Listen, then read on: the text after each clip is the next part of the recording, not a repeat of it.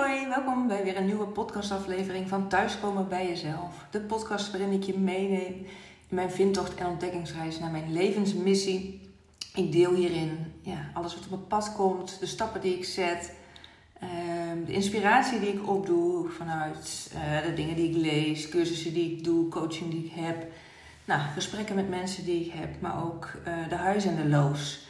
Um, geen wat goed gaat, maar ook af en toe de frustratie die, uh, ja, die ermee gepaard gaat. En dat alles doe ik om, ja, om jou uh, bewust te maken van, dus naar jezelf, naar je eigen leven te kijken. Van hey, leef jij eigenlijk het leven wat je het liefste doet? Word je blij van het werk wat je doet, de relatie die je hebt? Um, nou ja, voel je je vervuld en uh, geniet je van de dingen, van de mensen om je heen? Of knaagt er eigenlijk iets aan je, zou je liever anders willen, maar eh, zet je daartoe geen stappen. In ieder geval vooralsnog niet. Want daar gaat ook deze aflevering over. Van hoe je er nou voor zorgt dat je later geen spijt hebt van de dingen die je niet hebt gedaan. Dat is namelijk mijn uh, credo. Uh, wat maakt dat ik uh, ja, veel in beweging ben, veel dingen doe. Bijvoorbeeld mijn eigen coachpraktijk heb opgestart en ook mijn baan- en loondienst heb opgezegd. Om ja, hier volledig voor te gaan. En dat had natuurlijk uh, van alles, uh, van allerlei redenen kunnen zijn om het niet te doen. Uh, maar ja, ik, ik ga er volledig voor. Want eigenlijk is het dus ook heel simpel om ervoor te zorgen dat je later geen spijt hebt van de dingen die je niet hebt gedaan. Dat is namelijk doen wat in je opkomt, waar je echt blij van wordt. En waar, ja, waarvan je zegt van nou, als ik, als ik dit zou doen of als ik deze weg zou volgen, dan uh, nou ja, geniet ik daar uh, volledig van. Dus eigenlijk ook dat wat je intuïtie ingeeft om daar, uh, dat achterna te gaan. Helaas, als het nou echt zo simpel was, dan zouden veel meer mensen hun droomleven hebben. En als je kijkt naar de cijfers in de GGZ, onder andere, dan blijkt dat toch niet zo te zijn. Um, ja, veel mensen kampen met een burn-out of met depressies, angstklachten. Er zijn ontzettend veel mensen die met tegenzin naar hun werk gaan, of mensen die ongelukkig zijn in hun relatie.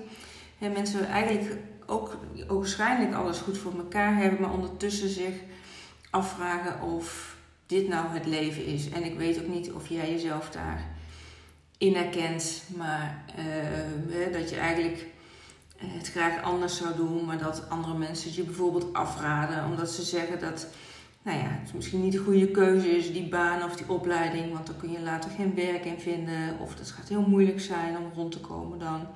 Of dat je te horen krijgt omdat je nou eenmaal zo goed kan leren dat je die universele studie moet doen, terwijl je misschien liever, uh, nou weet ik veel, uh, iets, iets heel anders doet, zingen of met je handen werken of uh, nou, wat dan ook, maakt niet uit wat. Of dat je bang bent dat anderen ervan gaan vinden als je iets doet wat nou ja, een beetje buiten de reguliere paden is. Hè? Vinden ze me dan niet gek? Of word ik dan niet uh, buitengesloten? Of wat als het nou niet lukt? Hè, wat, wat gaan mensen er dan van vinden of allemaal wel niet van zeggen? En iets wat ook vaak voorkomt is: wat als het nou wel lukt? Als ik nou wel succesvol word in hetgeen wat ik graag wil, vinden mensen me dan nog wel leuk? Of en val ik dan niet buiten de boos bij mijn vrienden? Ook dat kan maken dat ja, mensen toch niet gaan voor uh, wat ze het liefste doen. Uh, nou, wat ik ook vaak hoor is dat mensen wel willen, maar, zich steeds, maar het steeds uitstellen om in actie te komen. Zichzelf elke avond weer op de bank vinden. Uh, van, uh, ja, heb ik nog steeds niet die sollicitatie de deur uit gedaan? Of ben ik nog steeds niet het contact met diegene aangegaan omdat ik die zo leuk vind? Als je een leuke relatie uh, wil bijvoorbeeld. Of heb je je steeds niet aangemeld voor die opleiding die je zo graag wil? Uh, en ja, van uitstel uh, komt vaak ook afstel, maar ondertussen ben jij wel druk aan het piekeren en aan het zagrijnig zijn of je schuldig voelen dat je maar niet in beweging komt. Nou ja, zo worden onze dromen en onze ambities eigenlijk overroeld door allerlei angsten en belemmerende overtuigingen, waarom we dus niet in beweging komen. En uh, nou ja, dat is ook iets wat, wat gebeurt. Dat zei ik in het begin van de, van de opname ook. Dat er zijn altijd zoveel redenen om iets niet te doen. Uh, mensen zijn bang om buitengesloten te worden als ze echt ergens voor gaan en denken dat dat niet in uh, het straatje van, uh, van hun vrienden past of van de maatschappij. Dus dat als je verlamt om, om in beweging te komen. Maar mensen zijn ook, ja, er zijn een paar, vijf fundamentele angsten die mensen kennen. Dat is de dood, angst voor de dood. Angst voor zinloosheid. Nou ja, dat het kan een hele grote zijn. En ondertussen, op het moment dat jij blijft piekeren op de bank of je leven er nou wel toe doet, maar je komt niet in beweging, ja, dan is dat iets wat, uh, wat steeds meer in je systeem gaat zitten, waar je klachten door kan krijgen. Schuld en spijt van hè, inderdaad dingen die je wel hebt gedaan of juist niet hebt gedaan. De fundamentele angst van eenzaamheid. Dus inderdaad, hè, als ik ergens voor kies en anderen vinden dat gek of vinden mij raar, ja, word ik dan niet buitengesloten? Angst van identiteit, dus geen grip hebben op wie je bent. Nou ja, op moment, op, uh, als een situatie is dat je eigenlijk continu met een masker oploopt, omdat je je beter voordoet dan je eigenlijk voelt, of dat je uh, helemaal niet blij bent met de dingen die je doet, maar daar steeds maar mee doorgaat. Uh, of dat je jezelf op nummer zoveel zet en niet gaat voor wat jou echt blij maakt. Ja, op een gegeven moment krijg je daar nogmaals gewoon klachten van. Daar ja, is over het algemeen niet goed voor je gezondheid. En ik weet niet of je dat herkent. Dat je bijvoorbeeld heel moe bent of met uh, weinig fut hebt, weinig energie hebt. Misschien een korte lontje, wat zagrijnig wordt. En ondertussen nog steeds maar niet in beweging komt. Nou, dan is het belangrijk om vooral te kijken en hoe ga je dat dan doorbreken. Want jouw systeem en in jouw kern weet je heel goed wat je graag, hè, wat bij je past, wat je wilt doen. Maar dat luisteren naar je intuïtie, dat is zo moeilijk en zo lastig, omdat ja, je intuïtie fluistert. Die uh, geeft met hele zachte signalen aan wat jouw route is in het leven. Uh, welke stappen je mag zetten, welke dingen je mag doen, met welke mensen je, mensen je in contact mag komen. Alleen wat gebeurt er dan? Jouw ego overschreeuwt met uh, allerlei belemmerende overtuigingen van dat iets ja, misschien niet gaat lukken, nogmaals, hè, wat ik net noemde. Of dat anderen dat gek vinden, of dat het niet gaat lukken. Nou ja, noem allemaal maar op. En uh, ja, dat maakt dus dat het echt belangrijk is dat je weer leert luisteren naar dat zachte stemmetje in je, in je lijf. En dat is voor iedereen anders, hoe zich dat uit. En dat is iets waar ik je dus bij in bijsta om weer te leren van hoe herken ik dat stemmetje, dat gevoel en hoe merk ik aan mijn lijf dat ik op de goede weg zit of dat ik juist tegen de stroom in aan het zwemmen ben. Dus dat je weer leert om echt uh, te luisteren naar wat je lijf zegt en er ook invulling aan te geven. Dat je weer in contact komt met, uh, nou ja, sowieso hè, ja, wat voor jou de beste energiestroom is.